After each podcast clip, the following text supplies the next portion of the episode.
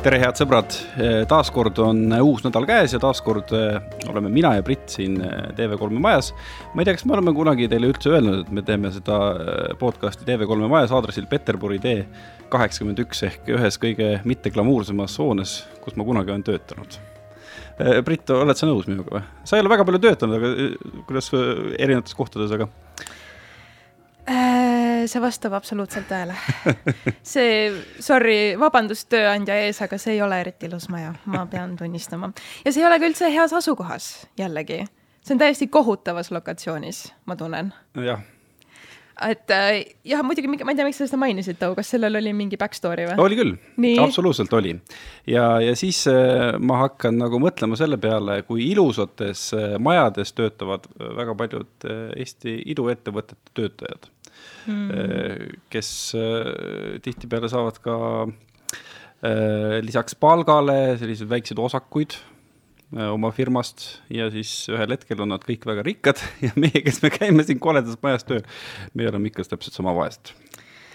meil ongi täna teemaks raha.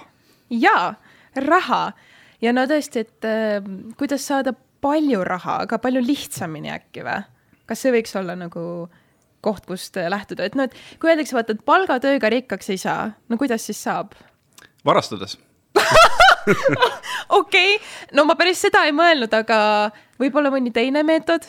on sul veel mõni idee? no ilmselt investeerides mm., nii nad räägivad. tõesti, tõesti. meil on täna tulnud külla aasta investor Kristjan Liivamägi, tere, Kristjan. tere, tere.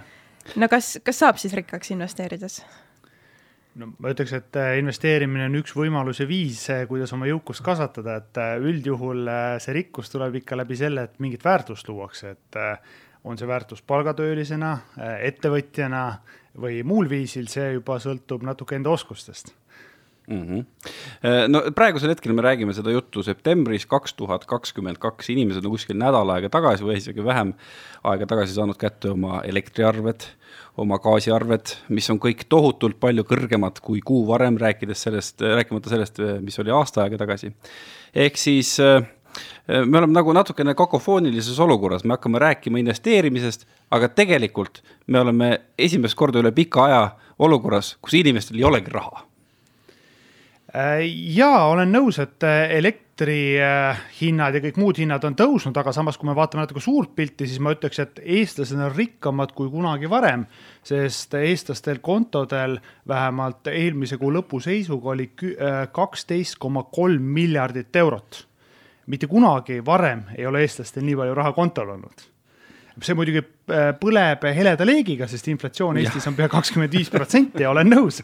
aga kellelgi kuskil seda raha on mm. -hmm mina tahaks kohe teada, et kes need inimesed on ja kas nad töötavad kõik IT-s või, või on mõni ka sihuke lihtsurelik, vaata, kellel on raha, et no vahel vaata on see, et kui sa kuuled vaata neid uudiseid, et kuidas äh, uusarendused, mille eest küsitakse hingehinda, müüakse välja enne, kui see kopp on maasse löödud, et kes need siis on, vaata, kellel see raha seal kontol on, kas nad kas on siis IT või need ongi mingid in investorid või, või lihtsalt äh, väga jõukast perekonnast pärit? Äh, ja noh, ütleme, et see vastus tegelikult ei ole nii glamuurne, kui te, kui te sooviksite. aga jah, sellega ma olen nõus, et need hoiused ja raha pangakontodel ei jagune ühtlaselt.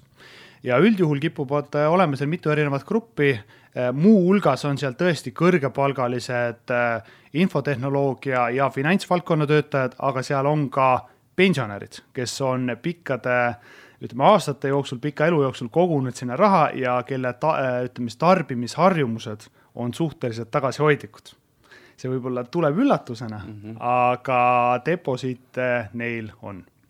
Ja, ja kui me vaatame siis teistpidi, siis ma olen kuulnud, et kuidagi selline äh, Äh, finantsturvalisus inimese või leibkonna jaoks oleks see, kui, kui kas siis pangakontol või üleüldse nagu vabade vahenditena oleks kuskil võtta kuus äh, kuud seda raha, mis sul läheb elamiseks, aga kui ma olen äh, näinud neid protsente, kui palju on eestlasi, kellel ei ole seda kuut kuud varu või kellel ei ole isegi üht kuud varu, siis on ikka päris karm. Äh, ja äh, see protsent äh, tõesti elanikkonnast on suhteliselt suur, kellel ei ole finantspuhvrit. üldjuhul kipuvad olema need, need inimesed, kes loodavad ja ootavad, et raskuste korral tuleb keegi neile appi, keegi müstiline, näiteks nagu riik, poliitikud ja nii edasi. aga tavaliselt kipub see olema niimoodi, et kui võtta vastutus enda raha juhtimisest ja enda ütleme siis perekonna eelarve planeerimisest, siis, siis kipub seda raha sinna ka tekkima ja tulema. et noh, ma võin hea, hea näite tuua, et võib-olla kuulajad mõtlevad ka, ei noh, aasta investor ja, ja üldse nagu nii-öelda siis investeerib, et küll tal raha on. ei ole, mina, mina tegelikult äh, kasvasin üles neljalapselises perekonnas tavalises Mustamäe kolmetoalises paneelmajas. Äh, selleks, et käia võistlussõitudel välismaal, me pidime korjama pudeleid, sest meil ei olnud raha. Ometigi äh, ma käisin täiesti tavalist teed, lõpetasin koolid ära, läksin palgatööle. palgatööga rikkaks ei saa väidetavalt. noh, eks see rikkus on suhteline, aga mina olen kogu oma elu teinud palgatööd, palgatöö kõrvalt säästnud. kahe tuhande kümnendal aastal alustasin investeerimist säästudega kaks tuhat viissada eurot. tänaseks on minu investeerimisportfelli varade maht üle ühe koma kolme miljoni euro. ja seda ma olen teinud põhimõtteliselt sisuliselt kogu aeg palgatöö kõrvalt nii et väide, et palgatöölisena ei ole võimalik eh, miljonäriks saada, mina ütleks, et eh, see on võimalik, kui seda raha nutikalt enda jaoks tööle panna ja investeerida. no räägime siis alustuseks sellest kõige esimesest sammust, ehk siis tõesti säästmine, ükskõik kui väike või ükskõik kui suur sinu palk on, millised olid sinu esimesed sellised teadlikud otsused sinu tarbimiskäitumises, mis võimaldasid sul säästa ja hakata seda puhvrit koguma, mida hiljem investeerida. on sul midagi sellist ka, et vaat, sa tõesti mõtlesid, vaat seda ma ei osta või seda ma ei tarbi ja vaat selle ma panen kõrvale? Äh, ja vot see on selles mõttes huvitav, et ma usun, et äh, meie tarbimiskäitumine või säästmiskäitumine on väga selgelt seotud ka meie lapsepõlvega. ja kuna meil oli äh, lapsepõlves noh, ütleme niimoodi, et nagu kogu sellel põlvkonnal väga palju vabu, vabu ressursse ei olnud, siis ala, nii-öelda alalt teadlikult või, või alateadvus mul kogu aeg oli mõte, et ma pean mingisuguse osa rahast ikkagi säästma selleks, et kunagi, kui seda läheb vaja, eh, siis, eh, siis ma võtaksin selle kasutusele ehk niisugust ühtset mõtet või, või ideed, et hommikul ärkasin üles, et no täna ma hakkan nüüd säästma. mul ei ole kunagi olnud. Eh, küll aga ma teadsin, et väike raha tagavaru peaks olema, noh, juhul kui ma tahan teha näiteks kasvõi suuremaid oste, noore poisina kunagi soov oli auto endale osta ja, ja sealt nii-öelda niisugune stabiilne raha kogumine on alguse saanud. Äh, ühel hetkel lihtsalt, kui inflatsioon oli Eestis väga kõrge, see oli siis aastal kaks tuhat viis, kuus, seitse, noh siis ta oli niisugune kümme, üksteist protsenti, siis ma hakkasin uurima, et okei okay,, ma sain aru, et mu raha pangakontol, säästetud raha pangakontol nii-öelda piltlikult öeldes sulab või põleb. mida ma peaksin tegema, et vähemalt seda raha ostujõudu säilitada? Soov oli ikkagi see auto osta Äh, ja siis ma jõudsin nii-öelda väikest viisi investeerimiseni. noh, tänasel hetkel inflatsioon on veel kaks korda kõrgem, mina teadliku elu jooksul ei ole näinud mitte kunagi nii kõrget inflatsiooni, kuigi jah, meil siin äh, aastal üheksakümmend üks see oli veel kõrgem. aga, aga jah, et minu jaoks oli see nii-öelda, kuidas see märksõna, miks ma siis äh, sellest säästmist investeerimiseni jõudsin, oli üldse väga kõrge inflatsioon. ehk ma tahtsin lihtsalt seda raha ostujõudu säilitada et kas siis praegu ongi see, et tegelikult äh, me ei, me ei peaks mitte säästma selle inflatsiooni taustal, vaid investeerima hoopis? ma ütleks niimoodi, et äh, suures äh, pildis säästmine on üks, aga väga oluline aspekt. aga säästmine ainuüksi kedagi jõukaks ei tee mm. -hmm. põhjus on väga lihtne. ma üritan seda võimalikult lihtsalt selgitada aga keskpankade rahapoliitika, kaasa arvatud Euroopa Keskpanga rahapoliitika eesmärk on tegelikult hoida stabiilset positiivset inflatsiooni, mis tähendab seda, et pikaajaliselt raha ostujõud ajas kogu aeg väheneb. ehk lihtsas talupoja keeles, iga aasta sa saad sama saja euro eest järjest vähem osta piima, leiba ja saia -hmm. ja, ja need mehhanismid on toiminud viimased pea sada viiskümmend aastat ja ma olen äh, üsna veendunud, et need toimivad edasi. lihtsalt praegu on see inflatsioon käest ära läinud mm. -hmm. aga mida ma siis äh, oletame näiteks noh, minusugune on ju, et mida ma peaksin praegu näiteks äh, tegema, et noh, ma saan iga kuu selle oma kuupalga kätte ja okei okay,, mul kulub märkimis, märkimisväärselt rohkem raha, eks ju, ma ei tea, küttele, elektrile, toidupoele et ma niigi, eks ju, ma üritan hästi tagasihoidlikult praegu nii-öelda elada, et noh, ma teen vähem mingeid impulsiivseid oste võib-olla, aga et mis ma siis peaksin nüüd tegema, et kas oleks mõistlik see, et ma ei tea, ma üritan hästi-hästi palju raha säästa ja praegu ta istub mul seal pangakontol või ma siis, mis ma sellega nagu tegema peaksin? no ütleme, klassikaline lähenemine on ikka see, et, et tegelikult mida keerulisemad on ajad majanduses ja, ja tõenäoliselt me nüüd oleme juba jõudnud Eestis ka majandustsükli langusfaasi, siis oleks mõistlik seda rahapuhvrit eh, või nii-öelda siis meelerahufondi suurendada selleks, et juhul, kui mingil põhjusel peaksid töö kaotama või leibkonnas peaks keegi töö kaotama, siis oleks reserve, millest neid keerulisi aegu üle elada sest äh, paratamatult tahame või ei taha, see majanduslangus jõuab ka tööjõuturule ehk üha inimesi, üha rohkem inimesi hakatakse koondama ja lahti laskma. see on loomulik asjade käik ja, ja sellest tegelikult meil ei ole väga noh, nii-öelda möödapääsu ma saan aru, nüüd küsisid, et okei okay,, et, et äh, jah, äh, kontol seisev raha põleb sisuliselt hereda leegiga, et kuhu seda investeerida siis? No üldse, et mis ma nagu peaksin tegema, et praegu, mis see mõistlik äh, samm on, et a la sihuke keskmine palgatöötaja on ju, kellel on mingi puhver kuskil just selleks, et okei okay,, kui midagi juhtub või tuleb mingi ootamatu sihuke kulutus, et noh, mul on see nagu säästud nii-öelda, kust vaata võtta seda raha. aga et kas on, kas, kas ma äkki peaksin hoopis siis selle nagu investeerima? no üldjuhul, kui sa kunagi ei ole investeerinud, siis äh, just nimelt keerulistel aegadel investeerimisega alustamine psühholoogiliselt võib väga raske olla. aga ma arvan, esimene samm, kuidas säilitada see meelerahu, äh, oleks ikkagi nii, nii, nagu Taavi ka kenasti ütles, et, et niisugune umbes kuue kuu äh, kulutuste summa võiks perekonnal siis äh, olla nii-öelda meelerahufondis. kui see on olemas, siis sealt edasi võib hakata juba tõesti mõtlema selle peale, et üle, ülejäävat raha siis nii-öelda investeerida -hmm. aga ma arvan, esimene samm, eriti just keerulistel aegadel ja, ja no praegu on meil keerulised ajad, et lisaks majanduslangusele, energiakriisile, Ukraina-Venemaa konfliktile, noh, tegelikult see olukord on ebastabiilne.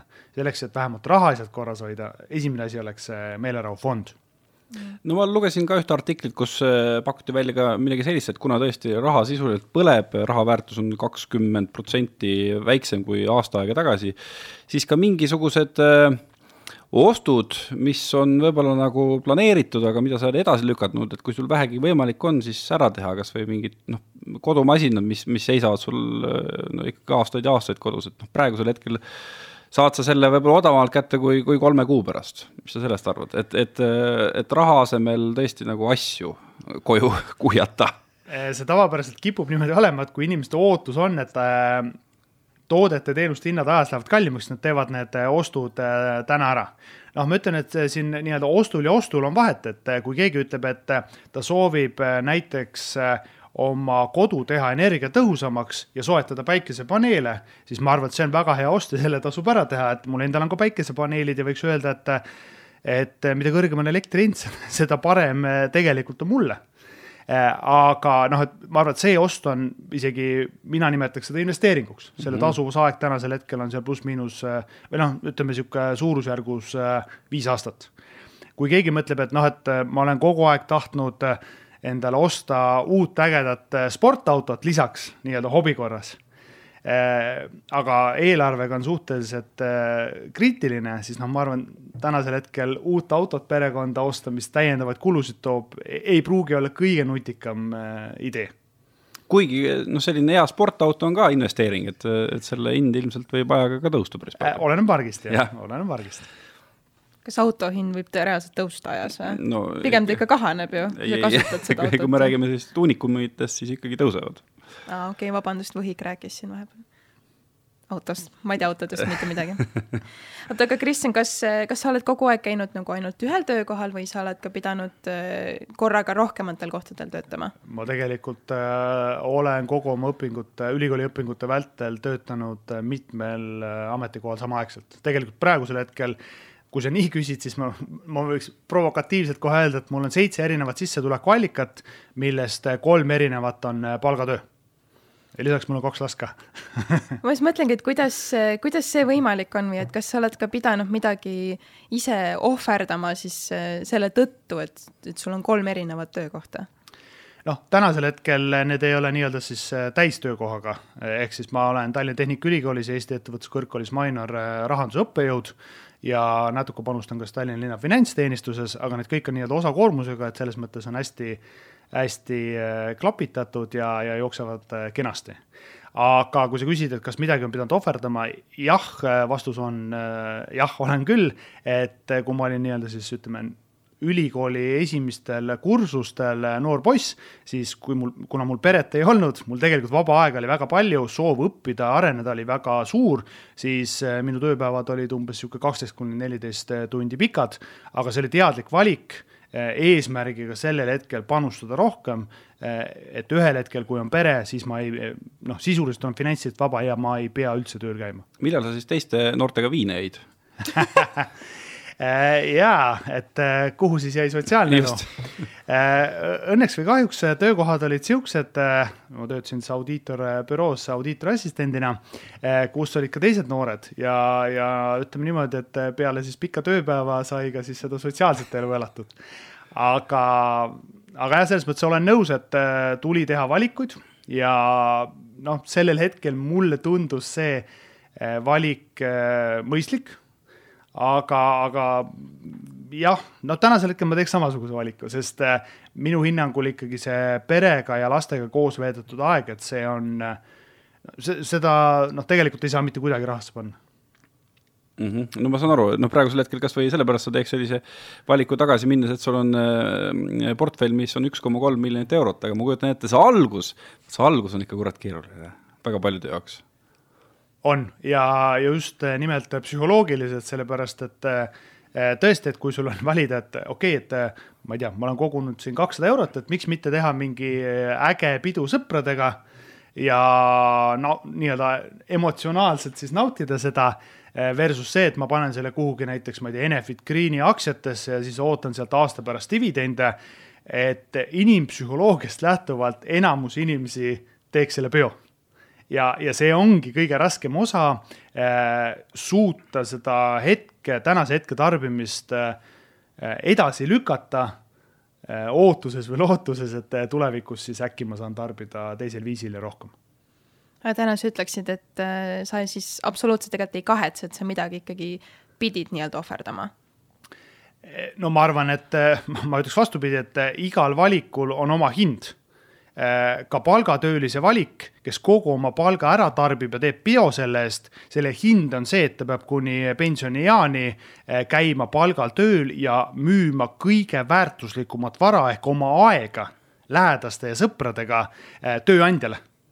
ja kui tal midagi tervisega juhtub, siis tegelikult see on tema risk Mm -hmm. et jah, meil on nii-öelda ütleme siis elementaarsed või minimaalsed kompensatsioonid, aga reaalsuses täisväärtuslikku elu, täie elujõu juures pensionieas nautida pensionist, ainuüksi pensionist, minu hinnangul äh, ei ole võimalik.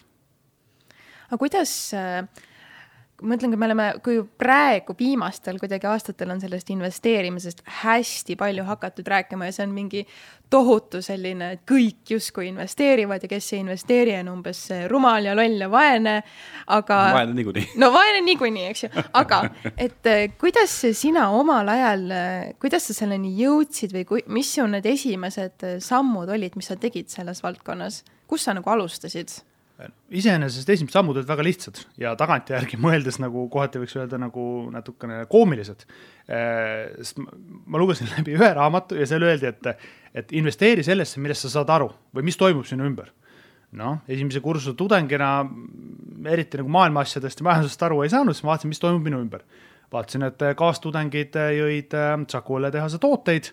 mõtlesin, no okei okay,, ostan siis Saku õlletehase aktsiaid ja samamoodi oli äh, sihuke kevad-suvine aeg, ehk siis äh, grillihooaeg oli just-just alanud, ehk siis äh, teine ost oli Rakvere lihakombinaadi aktsiad.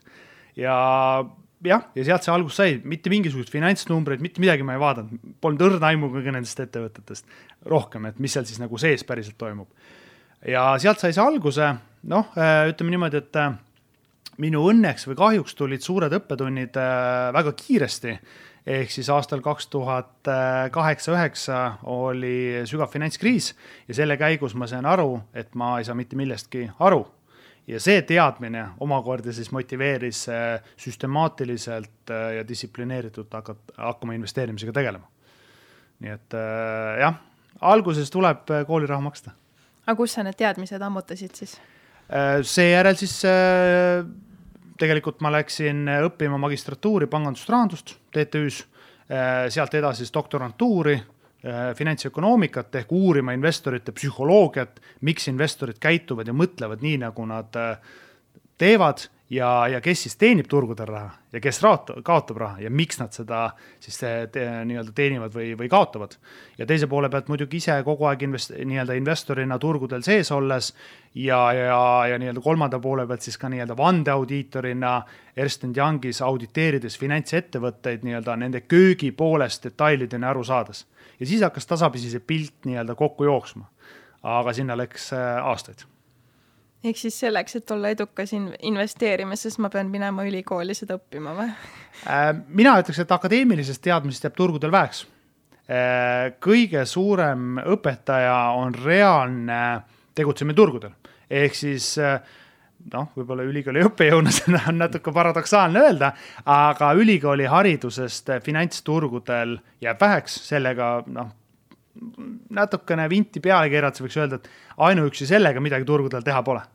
pigem mine turgudele, hakka väikest viisi investeerima ja vot siis tulevad õppetunnid ja kogemused no iseenesest ma kujutan ette, et see esimene soovitus, mis sa said ja mida sa kasutasid, on ju tegelikult päris hea soovitus, et kui sa ikkagi pea ees hakkad raha viskama äh, kuhugi, millest sa mitte midagi ei jaga, on ju, siis on ikkagi asi halb, et, et noh, et äh, kui me võtame kasvõi selle Eesti börsi ette, siis ongi loogiline, et noh, inimesed joovad vett, siis ostad Tallinna veeaksid ja nii edasi, et noh, selles mõttes need esimesed sammud võikski midagi sellist olla või? täpselt ja, ja mina ütleks niimoodi, et või õigemini kõigile sõpradele, kes on virisenud, et nende elektriarved on väga kõrged, siis ma olen öelnud, et selle asemel, et olla tarbimispoole peal, hakka tootma, hakka Enefit Greeni omanikuks. Eh, sest see on see, kellele sa seda raha maksad ja kui sa iga kuu maksad mitukümmend või mitusada protsenti kõrgemaid elektriarveid, siis noh, miks mitte siis teistpidi dividendidena saada see tagasi. ja ma ütleks niimoodi, et mis oleks veel parem mõte kui see, et kogu sinu aasta elektriarved maksab kinni Enefit Greeni dividend. tundub hea idee. See on mingi kakssada IQ level lihtsalt, vaata. Aga mis nagu, okei okay,, selgita nii-öelda siis mulle kui äh, totaalsele võhikule, nii, oletame, mul on äh, tore mingi rahasumma, mida ma saan investeerida, ükskõik mis summa see siis on. Et äh, mis on nagu minu kui niisuguse algaja jaoks, ma ei tea, kõige niisugused turvalisemad kohad või stabiilsemad kohad, et kuhu ma võiksin investeerida? no väga lihtsustatult äh, raha, rahamaailmas kehtib üks reegel, risk ja tulu käivad käsikäes. sellist asja, et äh, kõrge tulu ja madal risk ei ole olemas äh,. mis tähendab seda, et äh, vastavalt sellele, millist riski sa oled nõus võtma, ehk siis tõenäosus raha kaotada, vastavalt sellele siis sa saad valida ka neid instrumenti. kõige riskivabam on deposiit ehk siis riigi poolt garanteeritud deposiit pangas.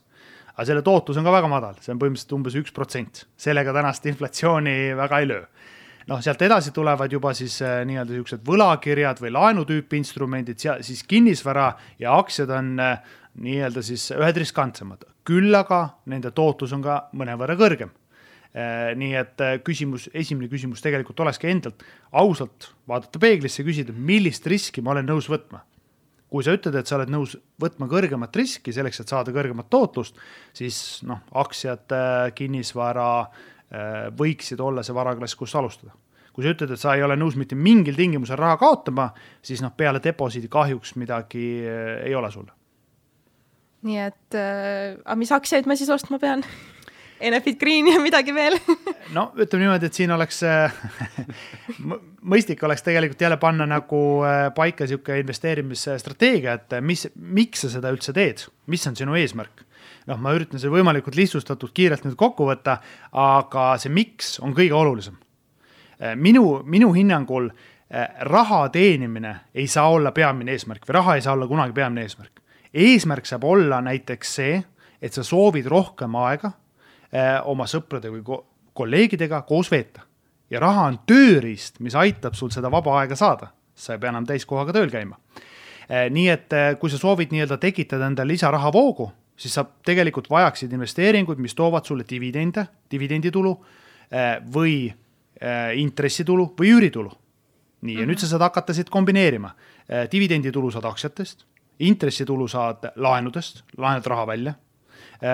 Või siis ostad kinnisvara ja saad üüritulu no ja nüüd on võimalik tagurpidi arvutada siis, kui palju raha sul on vaja selleks, et veeta rohkem aega oma sõprade ja perekonnaga ja sealt on võimalik siis arvutada, et kui palju peaks investeerima mm. -hmm aga kas, kui sa mõtled enda mingi noh, kasvõi nende algusaastate või üleüldse selle nooruspõlve peale, kus sa alles alustasid siin selle investeerimisega ja ja siis edenesid seal, et kas, kas olid ka mingid siuksed vead või asjad, mida sa ise tegid, et vaatad nüüd tagasi ja mõtled, et issand, noh, et, et kui ma täna oleks tänaste teadmistega, ma ei oleks mitte kunagi teinud, ma ei tea, sellist või sellist asja muidugi neid äh, vigu ma olen palju teinud ja ma ütleks päeva lõpuks, äh, kuna me kõik oleme inimesed, siis me teeme neid äh, vigu ka edaspidi ja, ja mina eksin iga päev.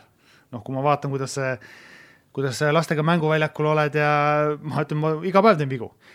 küsimus nüüd ongi, et kas nendest vigadest olen ma õppinud ja mil viisil olen ma siis nii-öelda kohaldanud seda äh, portfelli äh,. noh, neid vigu ma võiks põhimõtteliselt järgmised, ma arvan, kaks-kolm tundi ette lugeda, mis need vead olid ja mis need õppetunnid olid. aga kui ma üritan seda nagu lihtsustada, siis kõige suuremad vead, mida algajad investorid teevad ja mida mina ka tegin algajana, oli siis vead, mis on tingitud inimpsühholoogiast ja põhjus on väga lihtne, me kõik oleme inimesed, meil kõigil on emotsioonid, hirm, ahnus, kurbus, õnnetunne ja need mõjutavad meie otsuseid päriselus ja ka investeerimises. ja siin ongi siuksed huvitavad äh, vead, äh, mida siis äh, tehakse ja kõige kulukamad vead, noh, üks on see kõlab nüüd, see on siis akadeemiline termin, on dispositsiooniefekt, aga lihtsas maakeeles selgitades tähendab see seda, et investorid müüvad oma võitvad positsioonid väga kiiresti maha ehk realiseerivad tulu, aga kahjumitel lasevad joosta. tundub tegelikult eos niimoodi noh, siin ütleme ilma investeeringut tehes tundub natuke nagu imelik, et mis mõttes, sul on väga head ettevõtted portfellis, näiteks ma ei tea, Apple, Amazon ja sa müüd need kiiresti maha, realiseerid kasumid samal ajal kui sa lased näiteks, ma ei tea, Baltikal või Arko Varal oma portfellis aastaid joosta äh, ja kahjumid aina suurenevad. miks investorid seda teevad? ja põhjus peitub meie ajus, meie ajukeemias, ajuimpulssides. nimelt äh, meie ajus tekib kaks ja pool korda tugevam ajuimpulss, kui me kaotuse valu tunnetame ja see on evolutsiooniliselt väga vajalik, sellepärast et kui lõvi meid kunagi näppu ammutas, siis sa teadsid, et okei okay,, enam lõvi juurde ma seda näpuga torkima ei lähe. see pidi meelde jääma sulle ehk kaotuse või hirmuvalu peab sul meelde jääma.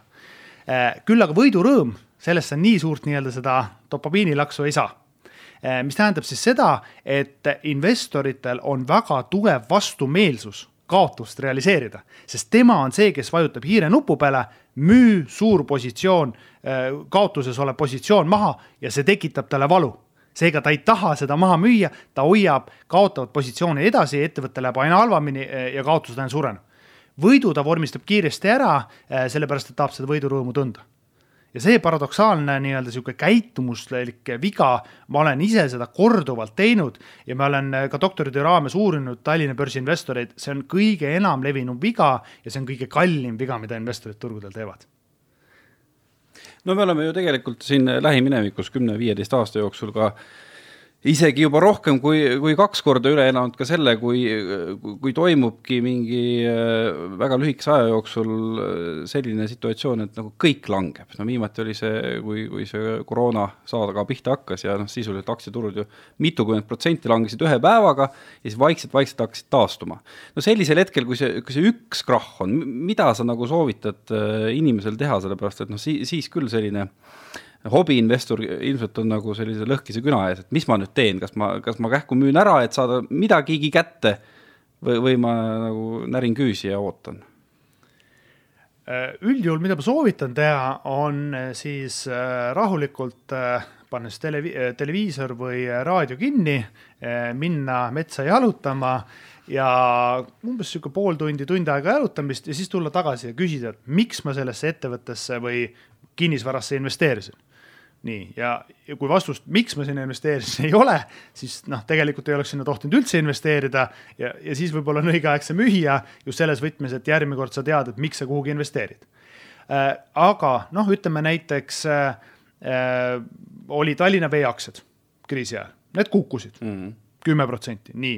Äh, nüüd on väga lihtsad küsimused et eh, kas Tallinna Vee, kas tallinlased joovad vett edasi, isegi siis, kui on koroonapandeemia, kõik on kodus, enam kontorisse ei lähe? vastus on jah. kas tallinlased käivad duši all edasi? vastus on jah. Eh, järelikult tegelikult Tallinna Vee müügitulud, mis on siis fikseeritud tariifiga, müügi, müügihind ju langeda ei saa, eh, kogus ka ei lange, järelikult müügitulud jäävad samaks kulud enam-vähem ka samale tasemele Äh, järelikult puhaskasum võiks olla sama ja sina saad ikka sama palju dividendi. nüüd sulle lihtsalt müü-, on võimalik osta sedasama aktsiat kümme protsenti soodsamalt. ehk lihtsas maakeeles, poodi on tulnud allahindlus sinu lemmik teksapükstele miinus kümme protsenti. kas ostaksid neid? Nojah, ja samas, kui sul oli sel hetkel äh, portfellis mõne lennufirma aktsiad, siis oli olukord päris hapu. Jah, täpselt, et äh, siis on küsimus, et kas on fundamentaalselt midagi muutunud. No üldjuhul aktsiaturud reageerivad kohe ehk aktsiate hinnad reageerivad selle muutusele kohe. Need lennufirmad, kruiisifirmad, noh, need aktsiate hinnad kohati langesid seal viiskümmend kuni lausa üheksakümmend protsenti. Ja nüüd ongi küsimus, et kas äh, siinkohal väljavaated tuleviku osas äh, on nii-öelda sama mustad, kas see kestab igavesti? kui vastus on, sinu ootus on, et jah, koroonapandeemia kestab igavesti ja mitte kunagi me sellest ei taastu, siis noh, tegelikult äh, siis jah, tuleks see kaotus vastu võtta ja eluga edasi minna no aga toona me olimegi ju selles mõttes teadmatuses ja väga paljud rääkisid, et kogu see, see reisimaailm, see ongi muutunud ja kõik need reisifirmad panevadki uksed kinni ja ongi läbi. Ehm, mis see, mis see sinu kogemus näitab, kas sellised äh, nagu fataalsed järeldused, kas neid tehakse ikkagi nagu liiga kiiresti, sest praegusel hetkel, kui me vaatame, siis kõik on taastunud, suvel oli lennujaam hädas, et ei ole töötajaid, sellepärast nii palju inimesi tahavad reisida. Üldjuhul ta kipub olema tõesti nii, et äh, jälle käitumuslikust aspektist inimesed teevad niisuguse niinimetatud esindusvea. ehk nii headel aegadel kui halbadel aegadel eeldavad, et see jääb kestma selliselt igavesti. ehk siis see määramatus koroonapandeemia osas, noh, igaüks lõi endale siis, kuidas öelda siis, loo, kuidas nüüd siit kõik edasi areneb ja kuna meil ei olnud mitte kellelgi kogemust, kuidas see päriselus välja näeb, siis me mõnes mõttes ankurdasime enda äh, Äh, hirmude külge, mida me olime näinud siit filmidest, kus siis noh, pandeemiaga toimuvad seal äh, a la naaber tuleb mulle kallale ja ainuke asi, mis äh, maksab, on tikud, püss ja, ja noh, kuld. ja, ja noh, me lasime selle fantaasial lennata, sest meil ei olnud mitte kellelgi ei olnudki ühtegi vastust. tavaliselt reageeritakse üle mõlemas suunas, nii headel aegadel kui halbadel aegadel.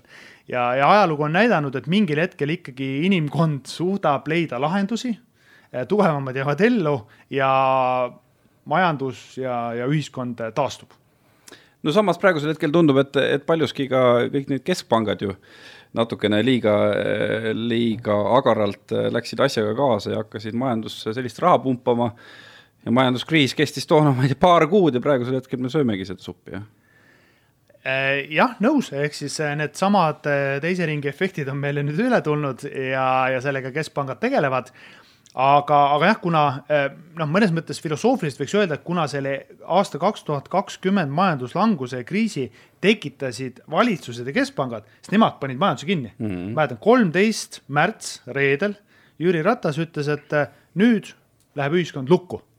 Eh, seega, kui nemad olid need, kes ei lasknud inimestel enam minna kinno, ei lasknud lennata ei lasknud vabalt liikuda, siis mõnes mõttes loogiline on, et nemad peavad ka arve maksma ja see on ka see, miks nad äh, erakordselt suurte nii-öelda stiimul- või abipakettidega majandust turgutama läksid.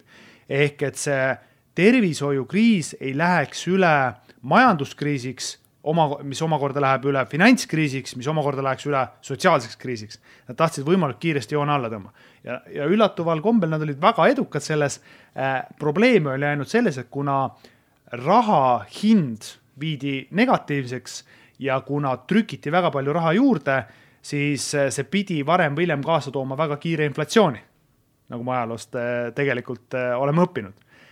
noh, ja nüüd me oleme selles olukorras, kus me peame inflatsiooniga tegelema, ehk siis see nii-öelda protsess on tagurpidi käima läinud Sorry, võib-olla natuke teemaväline küsimus, mulle lihtsalt turgatas see praegu pähe, et et mis on sinu arvamus sellest toredast pensionireformist, mis meil siin mõnda aega tagasi oli, et kas see tõi turule investoreid siis juurde, et kõik kuidagi rääkisid, et ei no aga mina tahan nüüd investeerima hakata, et mina võtan oma pensionisamba välja, siis mina investeerin kohe ja saan hästi jõukaks. et mis siis tegelikult juhtus? no juhtus äh, nii, mis äh, tavaliselt ühiskondades äh, ikka juhtub, ehk siis äh, rikkad läksid rikkamaks ja vaesed läksid vaesemaks. see kõlab väga nagu karmilt, aga kui me vaatame peale, mis siis nagu juhtus, siis tegelikult niimoodi juhtus. noh, teine võimalus seda sõnastada on see, et lollidelt võeti raha ära. Kui me nüüd natuke detailsemalt sinna sisse läheme, siis, siis me noh, mina isiklikult olen selle poolt, et inimestel oleks võimalikult palju valikuvabadust äh, karm on muidugi see, et äh, selleks, et kui me soovime, et inimestel oleks ka elamisväärne pensionipõlv, siis me peame seda kuidagi teistmoodi juhtima. inimesed kahjuks tulenevalt loomuomadusest ei suuda säästa piisavalt pensioniks või seda rahasse investeerida. noh, nüüd anti vaba valik, mis tähendas seda, et umbes suurusjärgus üks koma kolm miljardit eurot võeti kohe esimese vooruga välja. noh, äh, suurusjärgus, äh, mis ta seal oli, umbes mingi pool läks tarbimisse noh, siin võib filosofeerida, et ka keelküüned on investeering iseendasse ja, ja kõik see muu. Noh, nii ja naa. Äh, mingi osa läks ka turgudele. Äh, jama on see, et nüüd, kui ise need nii-öelda esmakordselt turgudele tulnud pensionirahaga investeerivad investorid, nad tabasid täpselt tipu ära, ostsid tipus ja noh, tõenäoliselt kas siis on juba müünud või lähiajal müüvad, kui see valu jõuab nendeni, löövad käega, ütlevad, ah, see kõik on üks suur jama Äh, nii et äh, noh, õppetunnid nad saavad. Äh, kurb on muidugi see, et esiteks võeti neilt kakskümmend protsenti tulumaksu sealt ära, kui nad pensioni võtsid välja, siis võttis turg sealt ära ja, ja noh, ega sealt liiga palju alles nagu noh, ei jää räägime veel ühest äh, instrumendist, et kui me oleme siin äh, enam kui pool tundi pajatanud sellest, et oluline on, äh, on ka vaadata, et mis looks maailma väärtust juurde ja et, et me investeeriksime sellistesse kohtadesse, millest me saame aru ja mida me mõistame, siis no kõige populaarsem instrument, millest on viimastel aastatel rääkinud, ei, ei täida nagu kumbagi kriteeriumi, ma räägin krüptovaluutast. Mida sa sellest arvad?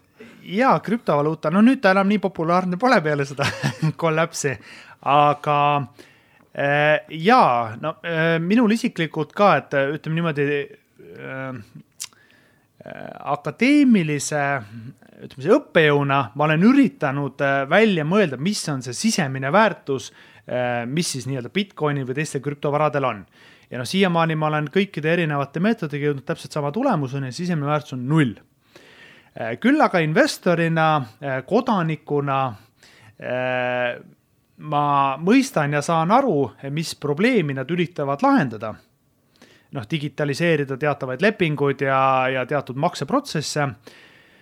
kas Bitcoin nüüd äh, või need olemasolevad krüptovarad selle probleemi lahendavad, ma ei ole kindel, aga, aga ma usun, et see innovatsioon mingil hetkel jõuab sinna punkti, kus tõesti mingi osa sellest nii-öelda tehnoloogiast aitab lahendada meil olulisi majandusprobleeme lihtsalt see protsess, nii nagu kõik innovatsiooniprotsess, ei ole väga lineaarne, väga sirge ja see võib olla ka kohati väga valus. aga, aga krüpto, krüpto, ütleme siis varade või krüptovaluutade osas, noh, iseenesest needsamad inimloomusest tulenevad protsessid on kõik lahti rullunud ja rullunud väga kiiresti, et ma arvan, selle õppe, õppeprotsessist lähtuvalt seal on, on väga palju olnud võimalik õppida ja, ja mul on hea meel, et need turu nagu loogikad kehtivad seal samamoodi no mis, mis olukorras me praegusel hetkel sinu hinnangul oleme krüptovaluutaga, kas, kas nüüd me oleme äh, sellises seisus, et, et see nagu ei, ei ole nagu omaette asi, vaid ta, need tõusud ja langused on juba täiesti muu majandusega sõltuvad? Ja et eh, kui, kui varasemalt räägiti, et Bitcoin on uus eh, digitaalne kuld ja kuld sõltub, eh, siis käitub majandustsüklitele vastupidiselt, ehk kui majanduses on halb aeg, siis Bitcoin tõuseb. noh, reaalsuses me nägime peale esimest koroonapandeemia langust, et nii see ei ole, et Bitcoin täpselt liigub täpselt samamoodi nagu põhimõtteliselt aktsiaturud, ainult et võimendusega ja, ja see jutt on nüüd siis lõpuks laualt maas. aga aga kus me siis äh, üldiselt äh, nii-öelda seal ütleme krüptomaailmas oleme, sest minu hinnangul me oleme jõudnud tasapisi nii-öelda poole peale selles tsüklis ehk siis äh, projektid, mis ei loo mingit väärtust, mis ongi loodud näiteks eesmärgiga teistelt lollidelt raha ära võtta, need lõpuks hakkavad ujuma veepinna peale ja, ja nii-öelda siis nad lähevadki põhja ehk toimub naturaalne puhastumine, nii nagu ka majanduses, nii nagu ka ettevõtetega, osad ettevõtted lähevad pankrotti, kes väärtust ei loo, teised jäävad kestma.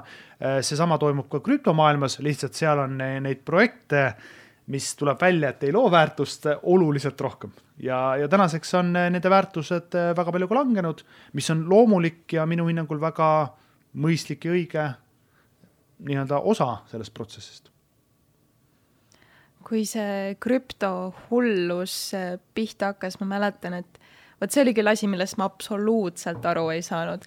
mõtlesin, et no tulge maa peale, et mingi virtuaalne asi, mida nagu füüsiliselt ju ei ole, vaata, või ma ei saa ju näha seda kuidagi, ma ei saa seda katsuda, ma ei saa sellega teha midagi.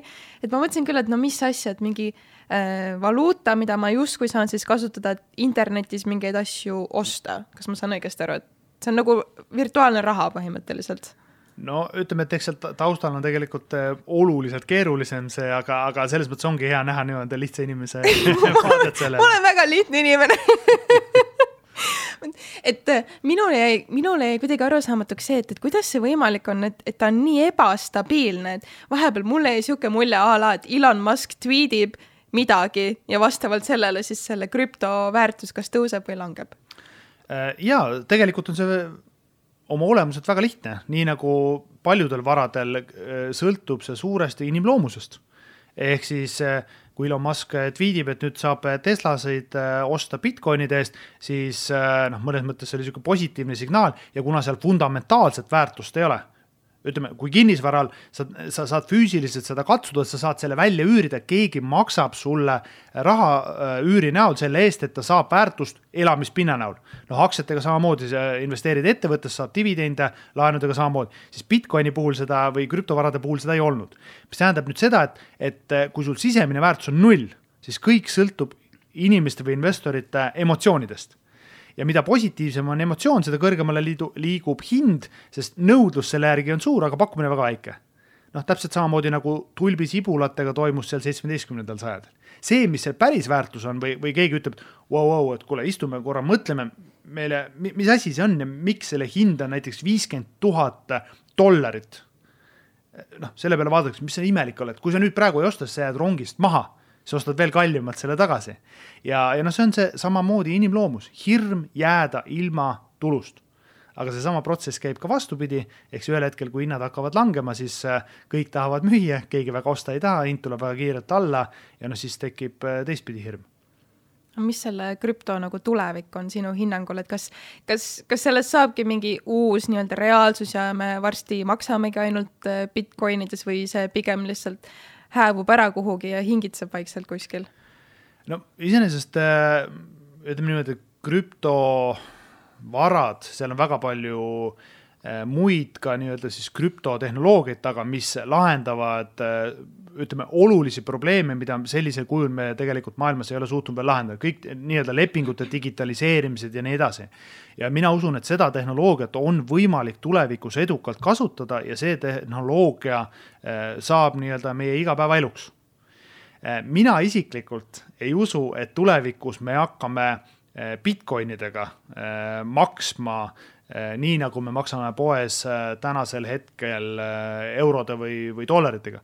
põhjus on lihtsalt selles, et üle, üle nii-öelda teenustasud on liiga kõrged seda süsteemi, see võib olla küll detsentraliseeritud, aga selleks, et ikkagi rahapoliitikat ellu viia, on vaja nii-öelda tsentraliseeritud juhtimist ja, ja kolmandaks, et eh, kui sa ei suuda oma vanaemale selgitada, mis asi on Bitcoin, kuidas see tehnoloogia eh, toimib ja kuidas see on turvaliselt tema kuskil wallet'is ja miks ta peaks üldse selle wallet'i endale ostma ja nii-öelda külmutama seda kuskil, siis, eh, siis nii kaua see ei lähe massidesse.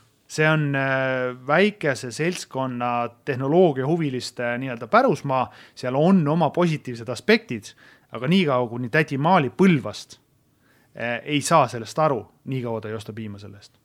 nojah, selle krüptovaluutaga ma kuidagi nagu suutsin veel eh, natukene rongi peal püsida, aga, aga kui kuskil paar aastat tagasi hakkasid hinda minema ahvipildid, mm. ehk NFT-d, vot siis oh., siis ma jäin nagu rongist maha, et, et äh, nüüd jällegi selle ilmselt ikkagi suurema majanduskriisi taustal, kas, kas, kas sellised asjad nagu jäävad äh, natuke nagu tagaplaanile? Äh, ja ma arvan, et kehtivad täpselt samad põhimõtted jälle, et nii-öelda see vaimustus läheb üle ja, ja kui inimene küsib, et kas üks koma viis miljonit eurot maksta ahvipildi eest, kellel on käes banaan äh, digitaalse kujul, et kas see on üks koma viis miljonit väärt või mitte äh,, siis noh, mingil hetkel võib-olla selgub, et äh, tõesti see nii palju väärt ei ole. Äh, nii nagu omal ajal ma mäletan, et kunagi oli koolis, me vahetasime raha eest udukaid. ma ütlen, et see NFT-d on väga sarnased nagu udukatele, kui mm, -hmm. kui te mäletate, need on siuksed pildid, mis on äh, paberi peale kuidagi nagu veega või siuksega tehtud nagu. seal vahetasime ka ja, ja mingid pildid, mis olid väga haruldased, läksid väga hinda äh, noh, tänasel hetkel ühtegi udukat mul alles ei ole, kõik on visatud ja võib öelda, et kõik, kogu see raha läks vastu taevast et äh, ma arvan, nende NFT-dega, seal on jälle omad nii-öelda aspektid, miks see on hea, et see nii-öelda digitaalne märk sinna külge jääb, need autoritasude jagamisel ja nii edasi. aga, aga ma kardan ka, et selle ahvipildi eest banaaniga üks koma viis miljonit maksta on natukene palju.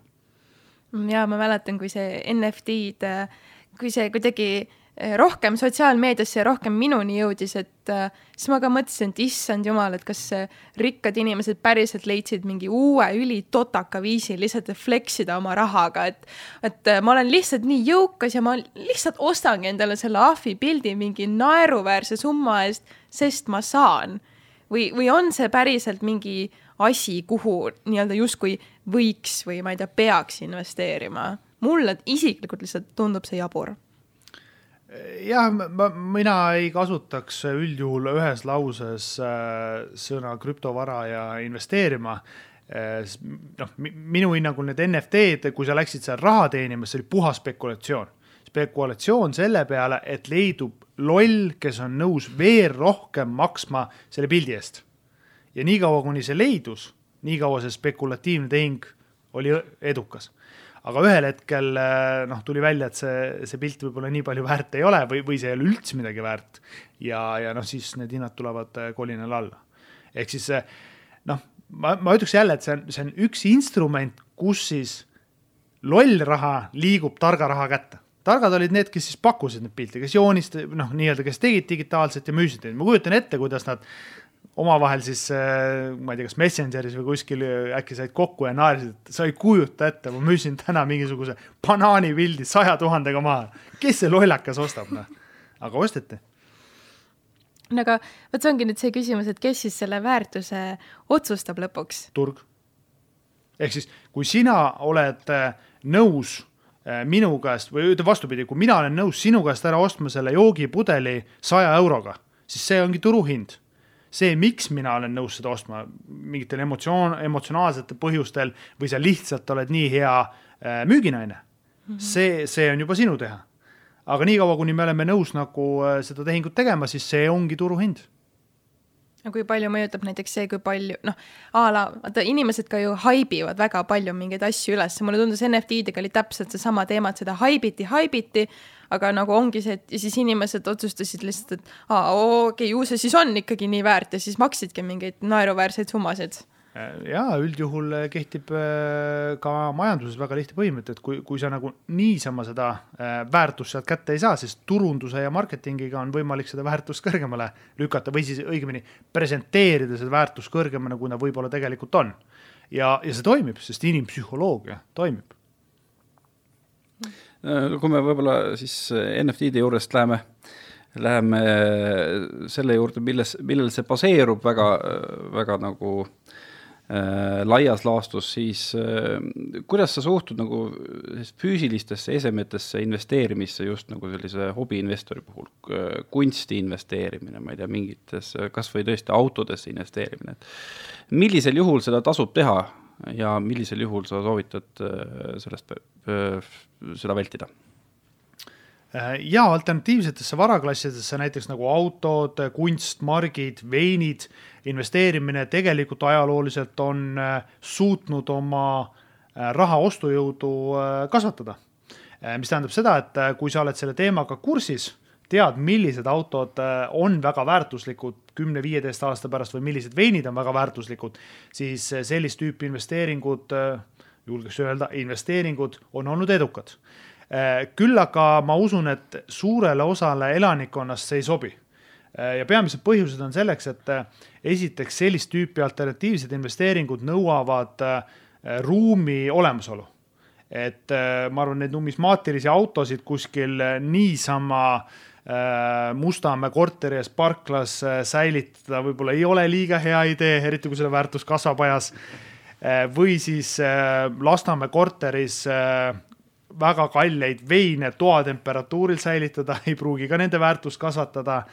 ehk see nõuab teatavaid tingimusi Äh, küll aga, kui need on täidetud, siis järgmine oluline aspekt on see, et teadmised, oskused ja kompetents selles valdkonnas. kui see on olemas, siis ma arvan, et sealt on võimalik väga-väga edukalt varasid kasvatada ja kasvatada isegi kõrgema tootlusega kui turgude keskmine tootlus. sest sul on eelis, sa tead, kust piirkonnast tulevad mingid veinid, sul on kompetents ja, ja noh, nii-öelda võib-olla sihuke network, siis sellisel juhul see on, noh, sellega täitsa elatakse ära. et mm -hmm aga ma arvan, et sihukesel tavalisel inimesel, kellel ei ole mitte mingisuguseid teadmisi ähm, kallitest veinidest või eksootilist veinidest, no see pigem lõpeb niimoodi, et on lihtsalt üks lahe pidu, kus siis lapsed või sa ise lihtsalt jood ära selle veini ja, ja sinna see raha läks. aga kas on ka midagi, mis äh, ma ei tea, sinu hinnangul näiteks on täiesti mõttetu koht, kuhu investeerida? mõt-, äh, noh, jah, kas nüüd just mõttetu, aga noh, igasugused investeeringud, mis loovad väärtust ja mille väärtuse ajas kasvab, tegelikult äh, ma ei saaks öelda, et mõttetud on, küsimus on alati selles, et millal osta, millal müüa, eks ju. ja see sõltub juba nii-öelda niisugusest inimloomusest. Äh, sest jah, mõni võib öelda, et mõtet on panna deposiiti raha kaheprotsendise tootlusega noh, teine jälle, kes ütleb, et äh, ta on nii riskikartlik, et ta ei ole nõus mitte mingit riski võtma, sest tema jaoks on väga okei investeering. mõni ütleb, et äh, mõtet on osta Enefit Greeni aktsiaid või Tallinna Vee aktsiaid, teine ütleb, et kuule, väga tore on, et see maksab mulle veearved või, või elektriarved kinni, eks ju, et et, et ma arvan, niisugust nagu jah, mõttetut investeeringut olemas ei ole, et, et see on väga nagu persoonist sõltuv. Aga võib-olla, kui äh, vaikselt hakata otsi kokku tõmbama et ma ei tea lihtsalt, mis on nagu sinu mingi selline, ma ei tea, nõuanne või, või no kui keegi tuleks sinu juurde, et kuule, et äh, ma tahaksin alustada investeerimisega, et noh, et mida sa nagu ütleksid millest siis nagu täpsemalt võiks alustada, ma ei tea, kas, kas peaks mingi finantskirja selgeks õppima või, või mingeid raamatuid lugema või no, et mis on nagu see koht, kuhu, kuhu siis minna, mida teha? no ma ütleks niimoodi, et kui küsimus on nüüd tehniliselt, et nii-öelda, kuidas siis mis on see nõuanne, kuidas investeerimisega alustada, sest noh, tegelikult on väga palju raamatuid, teadmisi äh,, koolitusi, kus on võimalik alustada aga, aga ma ütleks niimoodi, et see kõik on niisugune tehniline küsimus, mis annab sulle niisugune, ütleme kümme, kaksteist protsenti aastast tootlust. ja paljudele kahjuks äh, paratamatult see jääb liiga väheks. Äh, minul oleks tegelikult noorele ütleme siis niimoodi, alustavale investorile või noorele inimesele tegelikult kolm soovitust. Õppetunnid, mis mina olen elus äh, läbi valusate kogemuste saanud, aga mida ma julgeks soovitada, mis tegelikult aitavad kasvatada jõukust, äh, jõukust ja seeläbi noh, tegelikult suurendada ka seda investeerimisportfelli. Ja see on see, kuidas mina seda tegin. esimene soovitus investeerida oma teadmistesse, oskustesse, kogemustesse, läbi mille luua kas tööandjale, ettevõtetele, klientidele rohkem väärtust ja seeläbi teenida rohkem. Ehk siis mina ütleks niimoodi, ei ole olemas suuri kulusid ärge muretsege kõrgete elektriarvete pärast või kõrgete toiduaine hindade pärast, muretsege selle pärast, et te teenite liiga vähe. muutke oma mindset'i ja mõelge, et kuidas teenida suuremat tulu. ja vaata, kui suuremad tulud tulevad, siis jääb üle, mida investeerida, siis stressitase läheb madalamaks ja nii edasi. aga selleks on vaja luua mingit väärtust, õppida juurde uusi kogemusi, teadmisi, omandada oskusi mm. -hmm. no et näiteks sa oled mitte nagu meeleheitlikult äh, kõiki kulusid kokku tõmmata, aga pigem otsida mingi lisasissetulek või ma ei tea, enda mingid oskused nii-öelda rakendada nagu rahaks, et näiteks. Äh, hakkad, ma ei tea, kõrvalt tegema mingit asja näiteks. keelküüsi näiteks. no mis asja no näiteks alustada võib ükskõik millega ja tegelikult see mõttekäik seal taga on väga lihtne, et mis on see tunni hind, mis ma seal teenin ja siis sa paned selle konteksti. see, mina, ma ütlen ausalt, ma lugesin ka raamatutest, põhiline viis investeerimisel on eh, oma netosäästu suurendada, ehk siis automaatselt mul klikkis ära, et okei okay,, et ma pean järelikult siis säästma. Eh, proovisin mitu aastat, ütlen ausalt, see oli väga valus protsess. elukvaliteedist tulin alla, see oli väga ebameeldiv ja see tegelikult ei viinud mind väga palju kuhugi. Eh, see hetk, kui ma tabasin ära, et tegelikult tuleks oma sissetulekuid suurendada, see hetk käis mul klõks ja portfell hakkas kasvama ja see oli palju lõbusam tegevus noh, siin võib küsida, et oota, Kristjan, kuidas on võimalik, et ma olen palgatööline, täiskohaga palgatööline, kuidas on võimalik sissetulekuid suurendada? noh, eh, mitmeid erinevaid võimalusi on, mina näiteks hakkasin äh, nädalavahetustel ja suveperioodidel muru niitma äh,. tunnihind oli kakskümmend eurot tunnist, mis on mitu korda kõrgem kui lipsu ja ülikonnaga Tallinna kõrghoones auditeerimas käia noh, see võib okei okay,, noh, aga seda ma kogu aeg ei tee. ja ei tee, noh, siis ma ütlesin, okei okay,, läksin erialase töö peale. Läksingi ülikoolidesse, küsisin, et kas teil on võimalik pakkuda mulle õhtuti või nädalavahetustel, et ma oleks hea meelega annaks loenguid. mulle öeldi, kuule, sa oled kahekümne viie aastane noor poiss, sul puudub pedagoogi haridus ja õpetaja kogemus. miks peaksime meie sind ülikooliga tahtma? ma ütlesin, okei okay,, ma sõnastan selle teistmoodi, ma teen pool aastat teile tasuta tööd andke mulle kõige ebameeldivam õppegrupp, kõige ebameeldivam aine, mida ükski õppejõud anda ei taha, ma teen seda tasuta. ja neid aineid oli, mida keegi anda ei tahtnud. ma tegin tasuta ja, ja tudengite tagasiside pealt pärast ülikool ise soovis, et ma nii-öelda raha eest hakkaks seda tegema. Äh, nii et minu väide on, alati on võimalik, küsimus on enda suhtumises nii, ja mis need teised kaks olid äh,? teised kaks võib-olla siis äh, lihtsamalt ja kui see asi on nagu paigas, siis äh, teine on meeskond. ehk siis Äh, ümbritse ennast sarnaselt mõtlevate inimestega, kellel on võimalik panustada sinu edusse, aga kellesse sina oled ka nõus panustama. ja, ja mina, ütleme nii, et minu kõrval on siis, kuidas nüüd täna, tänaseks hetkeks sõpradeks saanud, aga ma hea meelega, mul on äh, juristid, äh, mul on maksueksperdid, mul on turunduseksperdid, kinnisvaraeksperdid, oma valdkonna tippeksperdid, kellele mina annan oma teadmisi aga kellele nemad annavad mulle oma teadmisi ja koos on alati võimalik kiiremini jõuda kaugemale mm. -hmm. lihtsalt äh, maailm on niivõrd keeruline, kompleksne, et sa ei saa olla iga valdkonna tippekspert. Äh, kui sa ümbritsed nende inimestega ennast, siis sa saad äh, palju kiiremini noh, nii-öelda mastermind grupp. ja kolmas asi, mis, mida, mida me kõik saame teha juba täna, on tegelikult äh, investeering oma vaimsesse ja füüsilisse tervisesse. selle rahaga, jõukusega ja inimsuhetega pole mitte midagi peale hakata, kui sul ei ole tervist eh, või kui sul vaim, vaimne tervis on korrast ära. ja, ja noh, siinkohal noh, mina, mina teen väga lihtsaid asju, et kolm korda päevas soe toit, eh, neli korda nädalas eh, trenn. mulle meeldib väga joogat teha ja, ja nii edasi, et noh, väga lihtsad asjad uni kaheksa tundi ööpäevas, und ja, ja see juba aitab sul osa, olla tasakaalus, keha teeb sinu eest ise töö ära ja kõike seda tasuta. nii et äh, noh, tegelikult väga lihtsad põhimõtted, aga neid rakendades on võimalik teha väga suuri samme väga väikse nii-öelda panusega nojah, nagu tihtipeale kipub olema, et äh, need kõik asjad on nii lihtsad aga nende alustamine on lihtsalt keeruline, tuleb ennast kokku võtta. üks tore mõte oli, mis ma sain, et Brit, ega sinuga suhtlemisest ei ole väga mingit kasu mul ma peaks ikka ümbritsema ennast juristide ja inimestega, kes majandusest midagi teavad. see oli tore mõte, mille ma sain siit kaasa võtta. see oli väike nali nüüd no aga mis sa arvad, et minul on sinuga suhtlemisest kasu või no. Pole veel täheldanud ehk siis see oli viimane episood okei okay,, asi ei ole üldse nii hull, aga suur-suur aitäh sulle, Kristjan, et sa tulid. Ja äh, suured tänud kutsumast, äh, ma lihtsalt ütlen, kuna minu nii-öelda siukseks äh, südameasjaks või missioonitundeks on nii-öelda eestlastele ka rahatarkuse jagamine, siis äh, keda need teemad huvitavad detailsemalt, siis minu Instagrami leheküljel Liivamägi Kristjan täiesti tasuta saab kõiki neid mõtteid, ideid lugeda ja, ja kaasa rääkida no vot, läheme kohe uurima seda jah, kuulake ikka podcast'i ja minge siis Instagrami ka ja teenige raha, teenige palju raha ja siis eks te siis otsustage, mis te sellega teete. ja meie kohtume uuel nädalal.